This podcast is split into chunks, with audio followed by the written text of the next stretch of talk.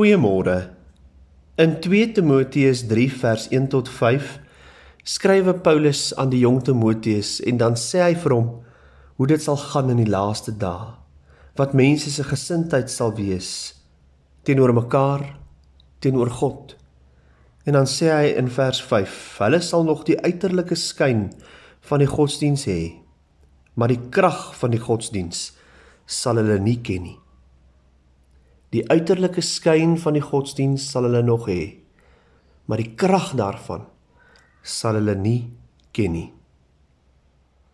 Ek lees vir ons 'n stukkie uit uh Richard Botha se boek Pleisters vir die siel, soos uitgesaai op RSG.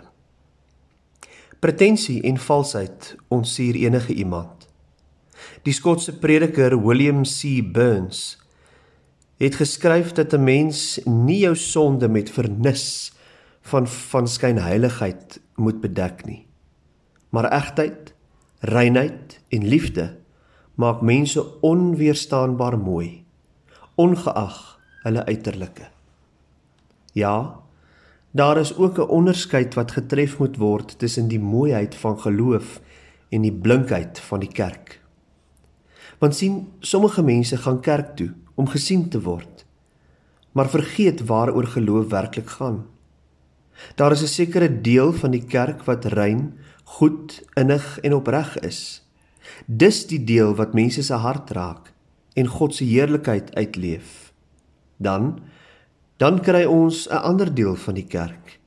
En nou verwys ek nie na 'n spesifieke kerk of denominasie nie, maar die deel van die kerk waar dit gaan oor alles behalwe waaroor dit veronderstel is om te gaan. Waar die vertoning, die regte beeld en die regte voorkoms belangriker as enige iets anders is. Dis baie selde dat iemand onderskeid kan maak en kan sê, "Haai, hierdie ouens is vals.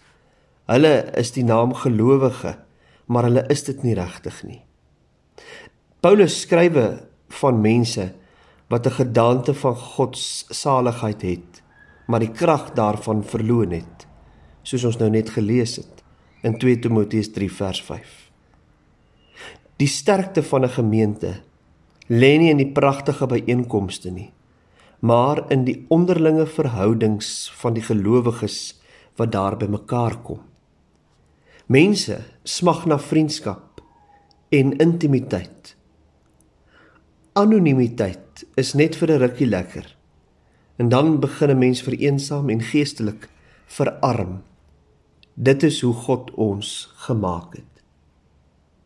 Wanneer ons die persoonlike element van kerkwees verloor, verloor ons 'n groot deel van kerkwees. Liewe vriende, mag ons nooit net 'n klomp mense word wat die uiterlike skyn van die godsdiens het, maar die krag daarvan vergeet het nie. Kom ons bid saam. Here ons Here, baie dankie vir hierdie nuwe dag. Help vir ons in hierdie dag om ware gelowiges, kinders van God te wees. Help vir ons om nie die blinkheid van die kerk liewer te hê as die mooiheid, die skoonheid van geloof nie. Help vir ons om waarlik kinders van God te wees in ons daaglikse lewe. Help vir ons om nie net die uiterlike skyn van die godsdienst te hê nie, maar uiteindelik in en deur en uit die krag daarvan te leef. Ons medemens so te behandel dat hulle vir God, vir Jesus Christus in ons sal raak sien. In Jesus naam alleen bid ons dit. Amen.